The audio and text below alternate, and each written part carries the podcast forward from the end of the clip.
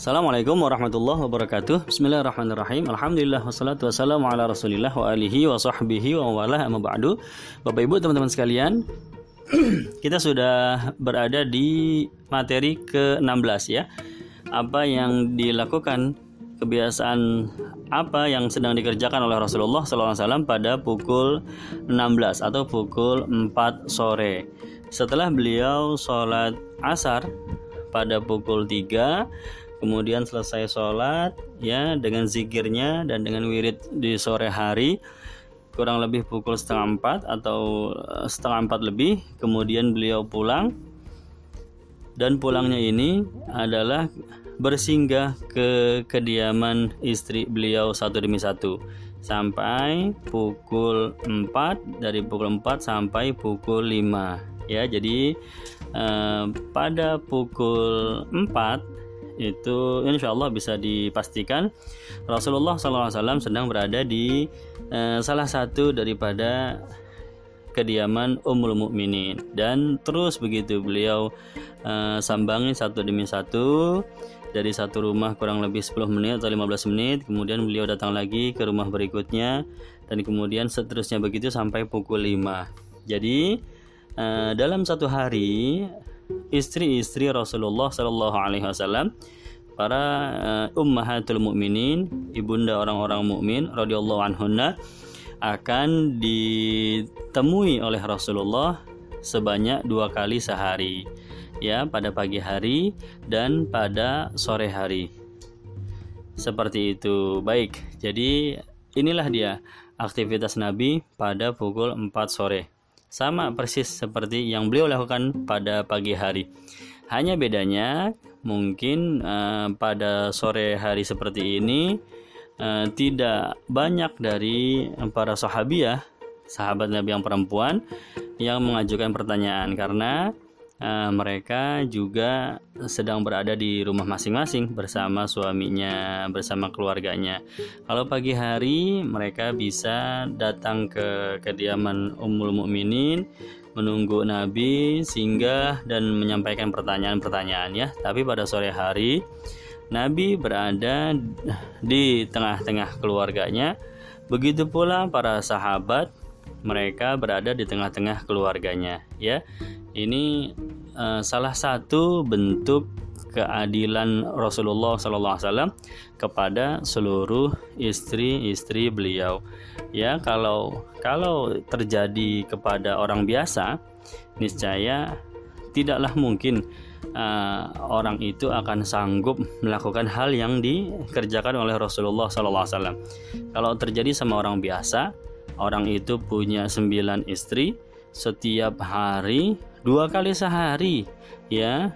Setiap pagi dan sore dia harus menyambangi satu demi satu satu demi satu. Niscaya orang itu sudah kelelahan ya. Mungkin hanya hitungan bulan uh, orang itu akan apa namanya akan menceraikan satu demi satu istrinya. Mungkin dia hanya misalkan tiga orang atau empat orang. Seperti itu ya. Capek pasti tapi tidak dengan Rasulullah Shallallahu Alaihi Wasallam ya beliau menunjukkan kelasnya sebagai seorang nabi. Beliau sangat adil ya, beliau sangat bijaksana, beliau sangat telaten ya dan itu terus dilakukan hingga uh, akhir hayatnya. Beliau tidak pernah uh, meninggalkan dari memantau istri-istri beliau. Dan juga uh, hikmah di balik perbuatan ini bahwa pada zaman itu memang Eh, kaum perempuan ya orang-orang perempuan itu tidak mendapatkan tempat yang hormat ya di mata manusia. Baik di negeri Arab maupun di negeri-negeri lain ya kebudayaan besar di dunia pada saat itu kan Arab Persia Romawi Yunani Cina ya semua bangsa-bangsa di dunia mereka dalam keadaan e, merendahkan martabat kaum perempuan ya. Seolah-olah e, manusia itu cuma laki-laki ya. Perempuan itu hanya melengkapi kebutuhan manusia. Seolah-olah begitu ya. Jadi e, di negeri Arab misalnya ya di negeri Arab laki-laki yang punya istri lebih dari e, satu ya dia punya banyak istri ya. Ada yang delapan istrinya ada yang sepuluh ya. Mereka tidak seperti Rasulullah SAW. Apa yang mereka lihat dari Nabi itu untuk pertama kalinya, ya bahwa um, mereka hanya mengunjungi istri-istrinya itu hanya kalau sedang ada kebutuhan memenuhi uh, nafsunya ya baru dikunjungi. Ya yang tinggal dengan mereka ya hanya satu saja itu saja ya. Kalau ada butuhnya baru didatangkan. Setelah itu ditinggalkan lagi. Ya nauzubillah jadi betul-betul tidak dalam posisi sebagai seorang istri, tidak dalam posisi seperti sebuah keluarga, ya ya hanya simpanan saja nauzubillah ya. Nah, seperti itu bagaimana uh, manusia memperlakukan kaum perempuan. Kemudian kaum perempuan ini ya kalau kita lihat uh, di adat Arab jahiliyah sebelum masuknya Islam ya sebelum masuknya Islam ya mereka dalam posisi yang sama sekali eh, tidak punya kehormatan. Oleh karena itu, apa yang dilakukan Rasulullah SAW dengan beliau sangat telaten, sangat menghormati, sangat memuliakan istri-istri beliau, Ummul Mukminin, sampai disiapkan waktu khusus, sampai beliau uh, apa namanya um, dengan penuh kesabaran beliau memperhatikan ya memberikan waktu untuk uh, perhatian sepenuhnya kepada orang perempuan sehingga uh, masyarakat Arab di situ terbuka mata mereka bahwa seperti inilah ya cara kita memuliakan kaum perempuan. Bahwa mereka sama dengan kaum laki-laki sama manusianya sama-sama ciptaan Allahnya ya. Tidak boleh direndahkan tidak boleh di dihinakan ya. Sama yang mereka lihat dari Rasulullah yang dicontohkan oleh Rasulullah SAW itu teramat meninggikan harkat dan martabat kaum uh, wanita ya. Uh, baik kita ambil contoh di zaman jahiliyah sebelum masuknya agama Islam ya itu tadi di antaranya ya laki-laki itu yang istrinya banyak mereka hanya datengin sewaktu-waktu saja. Setelah itu berhari-hari tinggalkan. Kalau sudah butuh untuk memuaskan nafsunya baru didatangi ya kemudian juga ada yang lebih eh, parah lagi ya bahwa kaum perempuan itu Uh, bisa dijadikan barang warisan, nauzubillah ya. Jadi kalau seorang laki-laki kemudian dia memiliki istri banyak, kemudian dia meninggal dunia, maka istri-istrinya itu dibagi-bagikan kepada ahli warisnya. Nauzubillah ya. Maka turun ayat uh, An-Nisa ayat 19 ya ayyuhalladzina amanu la yahillu lakum antarisun nisa karha. Tarithun apa itu? Ya wahai orang-orang yang beriman, tidak boleh haram bagimu ya, tidak halal bagi kalian kalian menjadikan uh, perempuan sebagai warisan ya. Zaman dulu itu sebagai sesuatu yang biasa ya. Ahli waris nanti kumpul ya. Yang meninggal ini punya istri lima maka ya istri pertama nanti buat kamu istri kedua buat kamu istri ketiga buat kamu. Nauzubillah min zalik. Sampai seperti itu gitu ya. Perempuan itu dijadikan dibagi-bagikan seolah-olah bagian daripada harta warisan ya Sebaliknya begitu Islam datang, justru uh, kaum perempuan mendapatkan bagian warisan, ya, mendapatkan bagian warisan. Dan itu pertama kalinya di negeri Arab, ya, tidak ada sejarahnya uh, seorang suami meninggal istrinya dapat warisan. Tidak ada sejarahnya. Sebelum agama Islam datang ya yang ada justru dia akhirnya uh, diserahkan kepada ahli warisnya ya untuk dinikahi dan untuk dimiliki. Nauzubillah Kemudian juga ada lagi istilah dalam um, budaya jahiliyah ya bahwa uh, ada yang disebut mauudah. Apa itu mauudah? Ya bayi perempuan yang lahir ya yang lahir dan dia membuat malu orang tuanya. Jadi pada zaman jahiliyah itu ya kalau istri sedang hamil ya mereka sangat berharap sekali agar anaknya laki-laki ya. Kenapa? Kalau laki-laki itu berarti e, menunjukkan sang suami berhasil ya. Sang suami sukses ya. Sang suami e, jantan ya. Begitu. Begitu yang lahir perempuan sebaliknya ya. Maka suaminya ini akan malu ya. Dia akan merasa apa namanya turun harkat dan martabatnya. Dan untuk e, menaikkan lagi harkat nya tersebut dia di mata masyarakat maka dia ditantang keberaniannya untuk mengubur, mengubur bayi uh, perempuannya itu hidup-hidup. Ya ini bayi bayi perempuan yang dikubur hidup-hidup ini dalam istilah Arab disebut mau'udah. Ya dalam surat at-takwir disebutkan wa idzal mau'udatu su'ilat bi ayyi dzambin ya Uh, bertanyalah kepada mau'udah tuh mereka para bayi perempuan dengan sebab apa mereka uh, dikubur hidup-hidup oleh kalian ya? Wahai para uh, apa namanya orang-orang jahiliyah.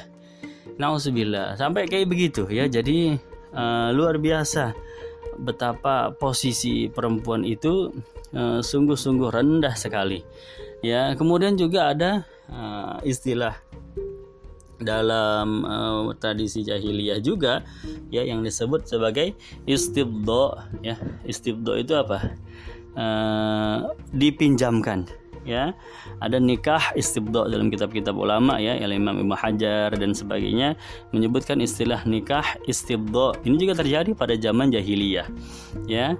Jadi uh, seandainya ada seorang uh, pemuka suku ya ada seorang pemuka kabilah dia ini orang yang uh, cerdas dan kemudian tampan ya dan kemudian berwibawa ya. Maka eh, laki-laki uh, para suami di bangsa Arab mereka akan uh, mem memerintahkan istrinya untuk menginap kepada orang tersebut ya.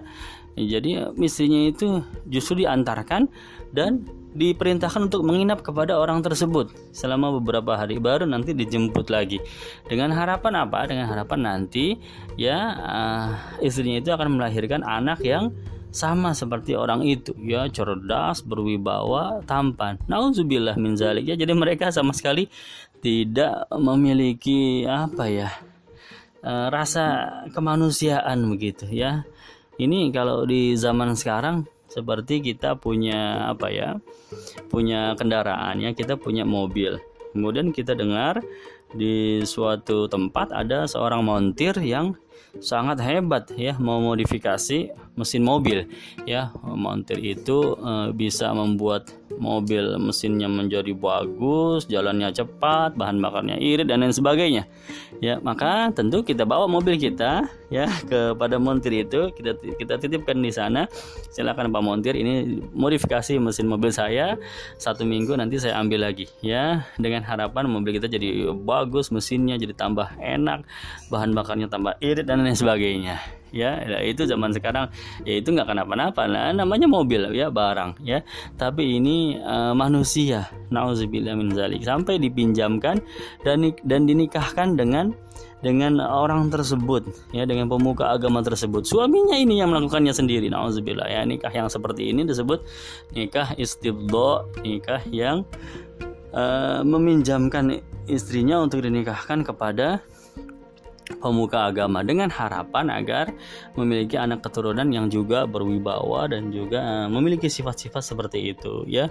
Luar biasa. Jadi uh, bisa kita lihat di sini uh, keadaan sebelum Islam datang bagaimana kaum manusia bagaimana umat manusia memandang perempuan. Oleh karena itu ketika Rasulullah Shallallahu Alaihi Wasallam ya setiap hari ia memuliakan istri-istrinya. Pagi sore. Pagi sore. Ini pendidikan yang sangat hebat bagi para sahabat. Dan kemudian contoh yang luar biasa bagi para sahabat ya uh, nabi nabi itu uh, berdakwah tidak de dengan suruhannya melainkan langsung dipraktekkan ya. Ada ilallah bigaulihi wa fi'lih ya. Yaitu uh, apa namanya memerintahkan dengan dengan perintah dan juga dengan praktek ya. Begitu. Jadi Nabi Wasallam memberikan contoh seperti itu maka uh, para sahabat mengikuti. Jadi inilah dia hasil dari uh, apa yang dilakukan oleh Rasulullah SAW hingga hari ini kita semua memiliki derajat yang sama laki-laki dan perempuan. Ya subhanallah. Islam datang ya nabi yang membawa rahmat bagi seluruh manusia ya mengubah wajah dunia ya. Seandainya nabi uh, tidak melakukan hal demikian mungkin sampai sekarang. Uh, nauzubillah ya manusia masih uh, merendahkan menghinakan daripada derajat perempuan. Oleh karena itu ya inilah di sini sisi sisi pentingnya ya. Mungkin kita uh, bertanya-tanya. Mungkin kita uh, berpikir ini kok uh, Rasulullah habis waktunya buat apa namanya menyambangi istri-istri beliau ya? Justru itulah misi Rasulullah SAW salah satu misi daripada agama Islam ini justru ingin memperbaiki wajah dunia ini yang dulu mereka uh, tidak menghormati kaum wanita uh, inilah dia tugasnya Rasulullah Shallallahu Alaihi Wasallam ya mengembalikan uh, keadaan kaum wanita seperti dengan tujuan semula Allah ciptakan sama dan sederajat ya begitu jadi seperti itu hikmah di balik uh, apa yang dilakukan oleh Rasulullah Shallallahu Alaihi Wasallam. Dan kemudian juga ketika Nabi dalam keadaan lawatannya kepada istri-istri beliau, ini juga otomatis para sahabat juga mencontohkan hal yang sama ya. Jadi jadi para sahabat juga akhirnya mereka semua meluangkan waktunya juga untuk untuk istri-istri mereka ya. Mereka mengikuti persis seperti apa yang dilakukan oleh uh, Rasulullah Shallallahu alaihi wasallam ya.